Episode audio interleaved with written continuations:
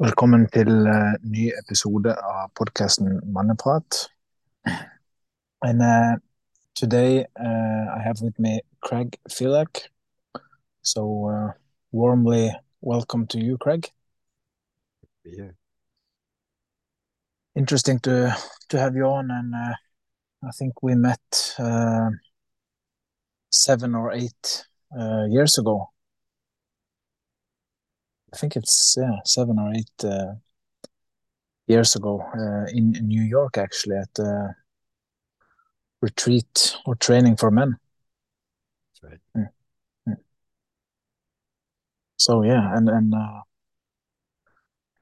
honor to to have you on, and uh, yeah, we have had created some kind of relationship in uh, in between that time and. Remember many years ago I started going through a program that you you had and uh, around purpose and direction. That's that's been quite an interesting ride. Um, yeah, now I'm created this podcast and you are here. So again, welcome to you.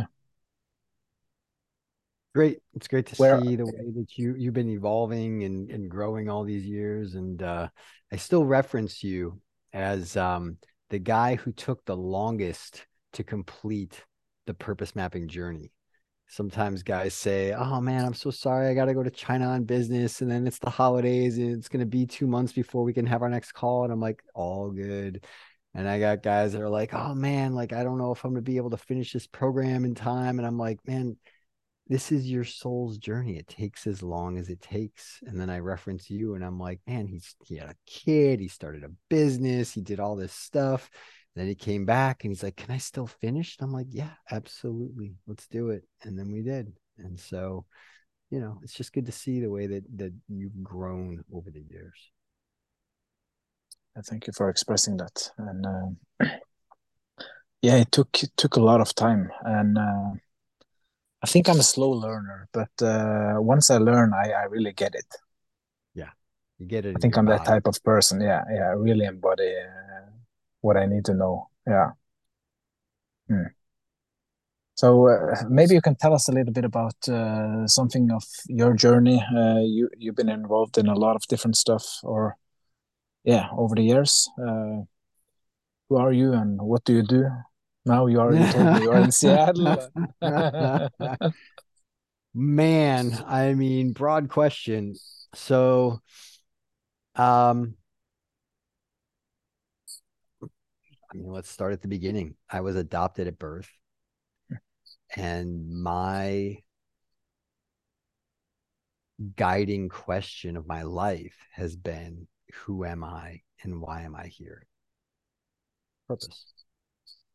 Why do I exist? And that's looked a lot of different ways over the years. Largely, it's looked like a lot of failing forward.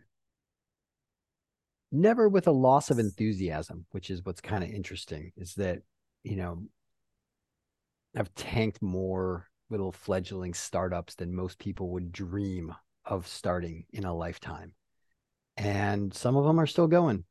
Some of them are, you know, I started with co founders and I'm no longer a stakeholder, but they're still running and they're doing, you know, millions of dollars a year. And I'm kind of kicking myself. But there are times in my life when I've just realized I needed a clean cut, a clean break from those relationships. And money's money, comes and goes. So, so it's been a lot of fumbling with the combination lock, trying to figure out who am I and what do I do. Um, part of that has been a striving for authenticity in the work that I do. Cause, you know, I flipped real estate, made $30,000, quote unquote, in a weekend. But then it was emotionally, I was just wrecked for months afterwards. I was exhausted. Uh, I felt like I was taking advantage of people because they're losing their house. And, you know, I knew as much about how to save the house as I knew about how to procure the house and flip it and make money. And there was one point where it came down to it was going to be me or him. And, you know, he said something that made me dislike him. so I took advantage and that was the last time I did it. I mean, I only did two, but it just didn't feel like it was the greatest way I could help people. And so it's been a lot of stuff like that. Just, you know, starting something, realizing, yeah, it could work, but it doesn't work for me. And in that process, I spent, oh gosh, it's 29 years this week that I was initiated in Mankind Project. So I've been doing men's work for 29 years at this point. And I've seen a lot of men go through their midlife transitions. I've seen a lot of men reach elderhood. I've seen a lot of men crash and burn, a lot of men peter out. And I think in every man, there's this striving for greatness and striving to, you know, maximize our potential and, you know, leave some kind of impact, make a dent in the universe. And for me, it was always a question of how am I going to do that? How am I going to leave a legacy for my daughter? How am I going to just make it through, you know, the next quarter? Uh, there was a lot of research into, I was a philosophy major. So a lot of research into, you know, if you have a strong enough why, you can overcome any how, that sort of thing. So lots of Tony Robbins, Stephen Covey, Michael Gerber, Robert Kiyosaki, you know, back 20, 30 years ago and then more recently it's been you know the past 10 15 years it's been a lot more neuroscience flow peak performance and looking at how all of this rolls up into a business context and where does peak performance live in alignment with who I am, why I'm here, and what the fuck am I going to do about it? And so when I left my last business partnership, which is it'll be 10 years ago. Yeah, in about six months that I left it, I spent nine months just saying no to everything and really going into the cocoon and breaking down and just letting life carry me forward and show me what's next. And I waited until I got a full body fuck yes. Like that's the thing I want to do. And it turned out to be the summary of everything I had done to get my own life into alignment. And that became purpose mapping. And so I was using various pieces of this with business teams and with friends. And, you know, I'd done some coaching with it in, in little pieces over the years before that. I've been developing it for, you know, you could argue 20 to maybe even 30 years. The pieces of it that have been coming together. I've read over a thousand books and invested 300 350000 hours in coaching training therapy all all this shit but i boiled it all down into a simple one page framework which you've experienced and the mm. process of arriving there which i just kind of stumbled upon when we look at our life through you know a handful of personality profiles and a 360 and use this framework and all of a sudden all of a sudden it's clear right? It's like a Venn diagram, the red, yellow, and blue, and then you get the orange, green, and purple, and in the middle is the white. There's like that diamond in the middle where all of these circles overlap and they point at the same piece of clarity about who I am and why I'm here and what the fuck do I do about it now. And that's what you get in the one page plan. And so that's what I do. That's who I am and why I'm here is to help other people figure that out and I've done it with my daughter who's 22 now and she's fully self-possessed. You know, I raised her. We were talking the other day and she's like, "Yeah, you know, I'm I'm going to do this and that." I mean, she her thing has always been horses and working with animals and she thought she wanted to be a vet and she realized she doesn't actually love that. Put herself through some classes and and she's uh now she wants to do horse hoof trimming because that is a way to get into relationship with the horse's sense of balance and stability in the world and their sense of well-being pulling horseshoes off of horses and trimming their hooves because you know a couple millimeters is like you know if you imagine if you had one foot that you know one leg longer than the other and you're kind of walking crooked like that's not fun. You need a shoe to balance that out and so she trims their hooves and she wants to get into craniosacral and, and things like that with horses. So so this is a good path for her. At 22 she's found a ticket that she can you know it'll take her through her whole life if she wants to but she can build on top of it. And she said to me the other day, she said, you know, I think it's pretty much been expected from your, you know, her mom and I that she just grow up to do whatever the fuck she wants to do. And this is the only thing she wants to do. So we never said, you got to be a lawyer. You got to be, a, you know, it was always just, what do you want to be? And how do we support you to be it? And she's figuring it out. And it's really gratifying. So I do that pretty much across the board. And that's who I am and why I'm here, man. Does that answer your question? Thank you for a uh, great answer. Yeah. And cool to hear with your daughter. Uh, I remember you told me about, uh, yeah, her before. So really cool to hear. Yeah. What do you think it's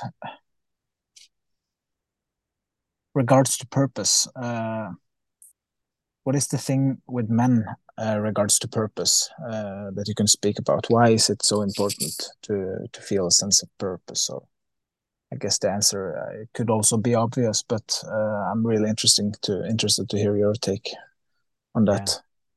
Yeah. Sure. There's a lot of different perspectives that we could look at with this. One is that women, I'm going to probably get some guff for this, but if we look through an evolutionary context, because it's hard to argue with that, women have an inborn purpose to be mothers, to procreate, to raise the next generation. And fathers have historically had a purpose of going out and hunting the mammoth and bringing it back. And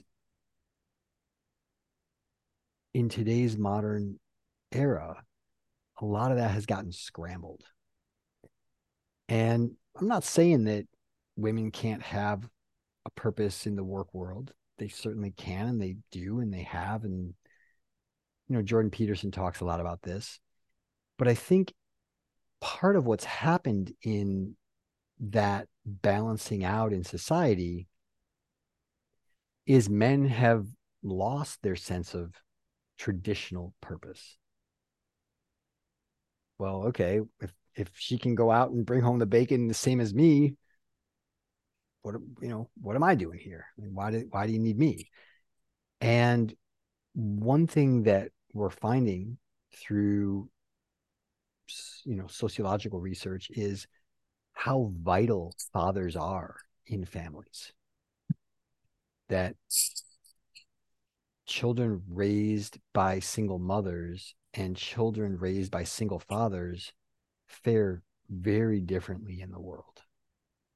And so having a father involved is vital. And I think just as a single father myself, it it gave me a sense of meaning and fulfillment. But I don't know that that was the full reason I exist. So, what's my deeper purpose? And I think I fulfilled my purpose through raising my daughter. But if my purpose was only raising my daughter, I'd be done.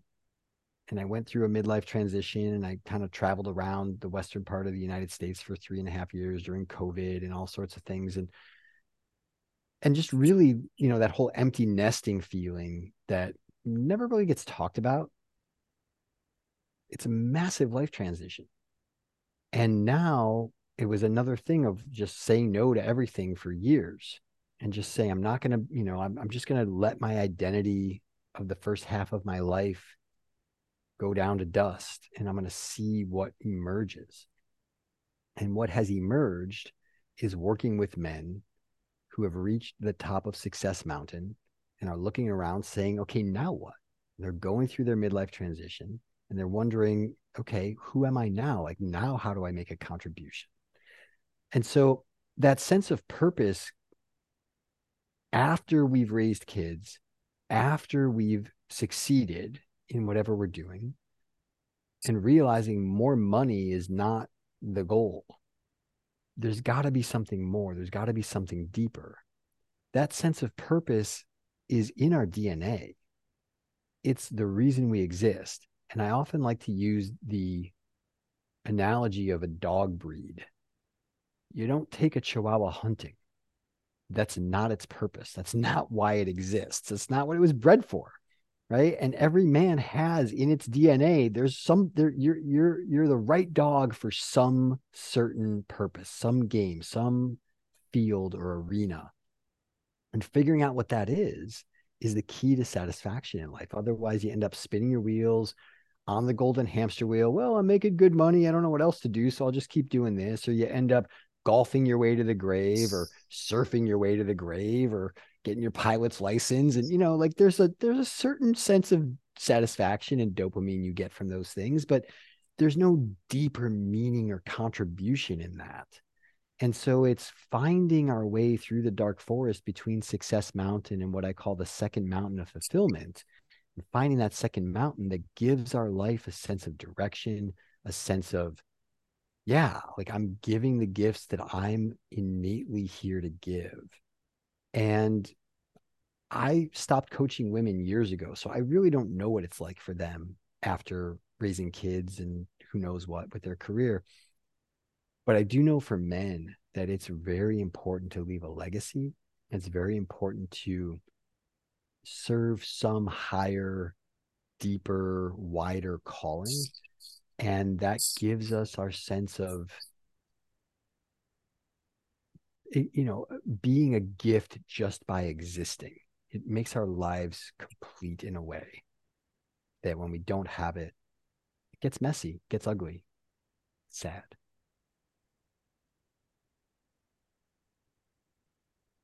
Do you think uh, many men are lost in addictions, apathy, depression, those kind of things, uh, like in a way of avoiding finding some kind of higher purpose?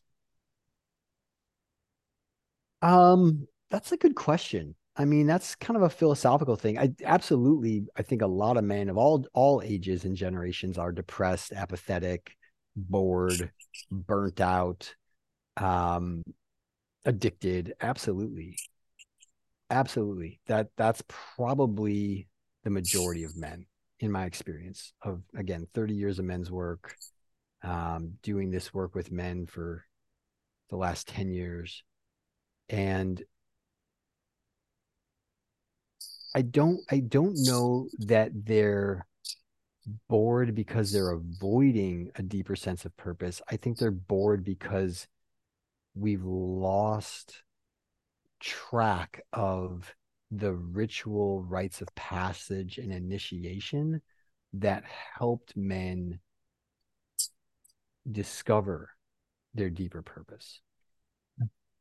You know, there's the purpose of of the necessity of the moment. I mean, we all have a purpose of um surviving, right? Why do I exist? Well, at a certain level, it's just to survive. And you know, like uh, Viktor Frankl in the concentration camps, just surviving was kind of it for a while. And there's a lot of people that that's the case for. And then we go up Maslow's hierarchy safety, belonging, success, self actualization. Um, I think a lot of men are disenfranchised. They don't know where they belong. They don't fit in to the traditional mold uh, of a man or a father or a husband.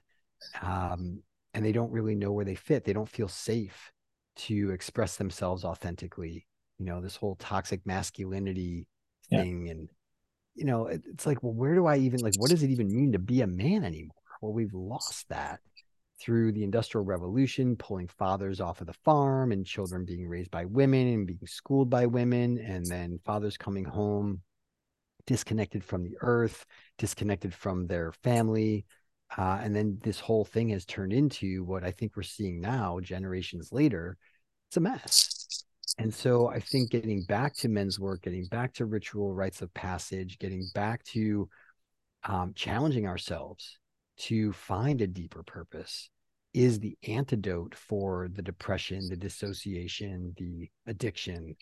And when we start to find that, men come into focus, they remember who they are in a deep genetic way.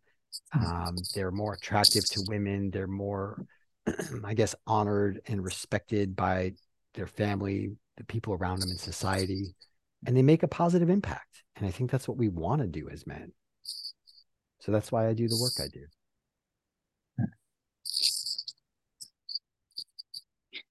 interesting. Uh, yeah, uh, I hear that you talk about uh, challenge, many challenge, and and uh, yeah,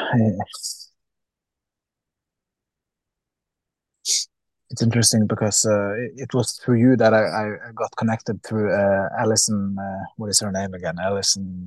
Um, yeah, yeah, she was on the podcast actually, and uh, that's because of you. So I reached out to her, and uh, that was amazing. So thank you for that. Uh, she talked, and that was actually you that told me about this, like the whole concept of emasculation uh, mm-hmm. emasculation of young boys, and and uh, I never heard of that concept before. Uh,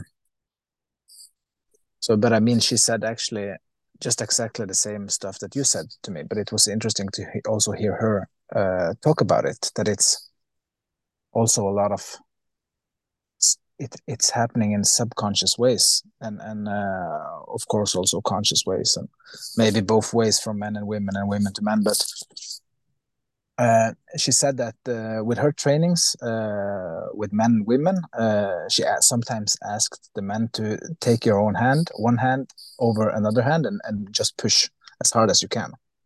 Mm-hmm. And uh, after that, she asked the women to take her hand around the man's hand and just push. Mm-hmm. And like, then you have the answer. Mm-hmm. Like, yeah, regards to strength and power and and uh, a lot of men are uh, have lost uh, contact with their own power. Uh, like you need that power to push through into fear into challenge into adventure. Uh, yeah so that was just huh really really interesting way to explain it. Yeah. Like there are big differences like on a physical level and and a lot of other stuff and yeah well, it's interesting to I'm getting chills, man. Yeah, we need that strength. And women need that strength. They need us to be strong. When the whole Me Too movement happened, one of the perspectives on it is that there are a lot of men who are you know, were raised by women in such a way, like Harvey Weinstein, right? Something must have happened for him in childhood around women that caused him to treat women the way he did. Something must have happened. And something must have happened to all the men around him who were seeing what he was doing and didn't just put their foot down and say, that's not okay. I'm not cool with that and I'm not going to do business with you. I don't want to see evidence of that behavior. If I hear about that, you're going to hear from me. So that's that's the other side of this wound. And so it plays out in these two ways. And then we hear the word toxic masculinity, but none of that is masculinity. That's just toxicity. Yeah. Healthy masculine protects the feminine both in our own hearts, in our own bodies, and in our families, and in our workplace, and in our communities, and in our society, and in our world. So, whether that's protecting the feminine of nature and not letting oil companies just plow into Ecuador and start drilling and, and destroying ancient rainforests, a healthy masculine would do what it can to protect that. And so we need that strength. And when it gets emasculated or shut down or shamed or called toxic, everybody loses.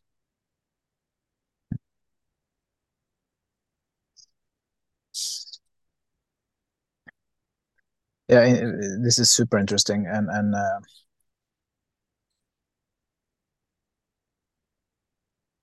it's like uh, how can I uh, explain this? Uh, for example, uh, my own life experiences, uh, certain experiences that I have, uh, some kind of traumatic events that uh, I mean, I lost a lot of my own power in those events. Mm.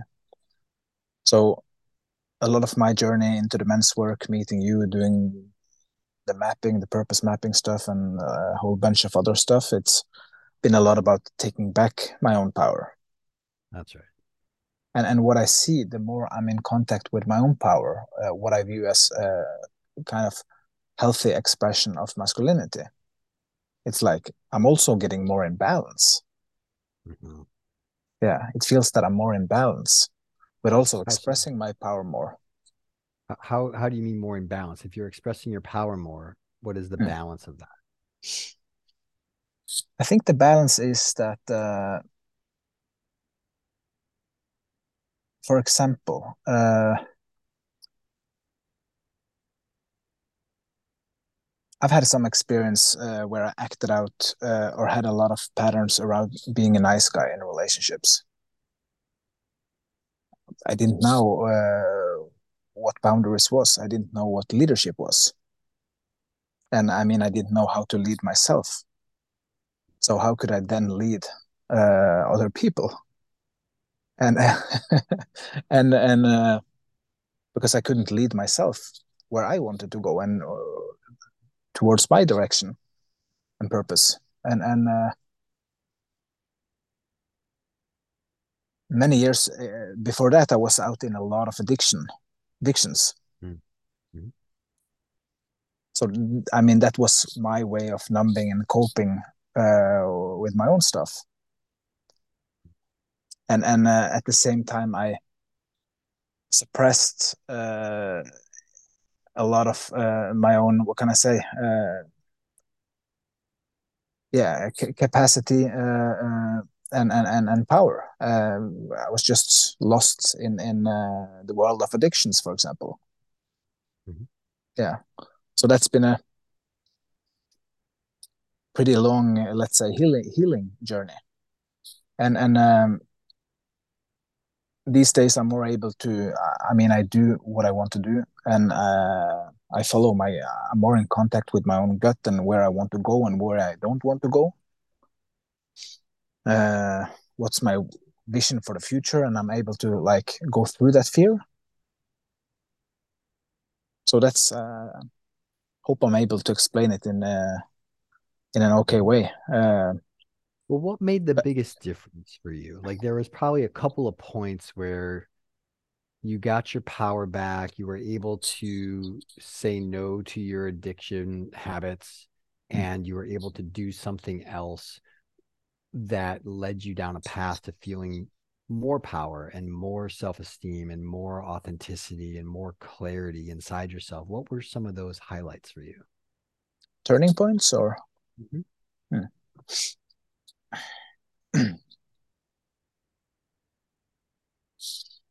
i think it was uh, many uh, or several pieces to that puzzle but uh, especially when I was at the men's event uh, where where we met. I mean, I saw a lot of other men uh, that was in some ways mirroring back a lot of different qualities in myself of what is actually possible. Mm-hmm. That was a like an, a really big aha moment. Mm-hmm. Remember, uh, I will not mention his name uh, on this podcast, but uh, there was one guy in a wheelchair Mm-hmm. Yeah, yeah, that was. Uh, I mean, he was in a wheelchair and he was living uh, on full on purpose. Mm-hmm. Mm. And then, uh, yeah, just things like that. And then, then I had my own burnout uh, some years later when my son was born. I haven't actually talked about that in this podcast, but uh, at that moment, I went into. I had a had a pretty okay job and things were working. But at the same time i went slowly into dep- uh, into depression and into some kind of existential crisis. Mm-hmm. like around why am i here? And I, I, was doing things that was pretty okay and good in uh, from other people's view but inside myself i was long there was something that was missing. And uh, yeah, I just remember when my son was born and uh, I, I uh, was out walking with him and he fell asleep and we were walking at a pretty nice place with the sea and uh, with the coastline. and I just had a moment of like, I need to change direction. Uh, something needs to happen um, because if I continue to go down this road, I will, uh, yeah, not end up in a good way. So that was like it was several moments over some years that started to change something in me. And I think one really important thing was to I already I was really lucky that I already had men like you and like some other men in my life um, that was what can I say that demonstrated things that was possible for for myself. Mm-hmm. That was the time I started creating small men's groups and still working on that. But um, yeah, that was definitely so a big uh, yeah. Have, having a new reference group yeah of men who were not playing the victim even though they might have been wounded mm. who were stepping into leadership who were leaning into connection men who were vibrant and showing up in the world with clarity and purpose that gave you a sense of what was possible and then you started leaning in that direction that was inspiring for you it drew you in you realized i could do this. I could lead a men's group. And leadership is a fucking magical thing isn't it? I mean the amount of neurochemistry that that shifts just by stepping into leadership i know mm. that from my own path. It's like it's a it's a it's a rush and it's rewarding and it bonds us in ways that when we're kind of hanging around the outside of a group we don't get the same connection you know the oxytocin the dopamine the serotonin. When we lead it challenges us and it brings us to our edge. And it sounds like that was a big part of your journey of turning this around. Yeah yeah yeah. Thank you for sharing that. And it's uh it's definitely been a process that's been ongoing over some years mm-hmm. like a lot of different realizations yep mm. yeah cool well this is your podcast man i i, yeah. I could you know just chat with you about you know our, our lives and and where you're going and coach you and all kinds of fun stuff and you know happy to do that but where yeah. do you want to go with with the time we have here I think we we uh, uh, covered a lot of uh, good stuff uh, now, and I actually think uh, yeah, it feels like we are coming to an end uh, on the podcast. Yeah, and I will put the link to purpose mapping in the description, so it's out out there and running. And yeah, if someone is listening and are curious about Craig and his the work he's doing, please looking look him up. Hmm. Is there anything uh, uh, you would like to say as an end for someone who is looking to lean more into challenge, uh, lean more into purpose and direction? Uh, what is some, yeah, something you can uh, offer and give? Yeah. Yeah. Um, so I'm always looking for the 80, 20, 20 20 what is it what is the 20% of 20% of 20% that is going to get the biggest bang for the buck the ignition point? And i think that the single greatest thing we can do as men if we want to change our lives for the better and change the lives of those around us for the better is to find a reference group of positive healthy grounded men who are leaning into challenge and in the direction that you want to be leaning. So that hmm. can look like finding a CrossFit box and just, you know, checking out a couple of them and seeing where the men are where you feel the most secure around them. Because that in Maslow, right? Survival, then it's safety and security, and then belonging and then success and then self-actualization and then self-transcendence where my life is no longer my own. So it could be a crossfit box could be um you know a place to play music it could be a men's group could be mankind project mkp.org it could be everyman.com it could be we met through john wineland's work um, David Deida you know there's tons of this stuff uh, tons of it out there um, I mean, I could go on and on and on about listing men's groups, but find one near you. And don't just show up, but show up and play full out and show up and look at how the leaders lead. Decide, is that the type of leader I want to be? If it is, do what you got to do to get closer to them. I mean, I was staffing that weekend when we met Yeah, in New York, yeah. right? I was I was John's right hand for that weekend. And so find a way to get into service, find a way to get involved in purposeful work, lean Mm. in, but do it in a place where there are other men, ideally older men. You know, the wisdom of elders is is it's part of our masculine lineage.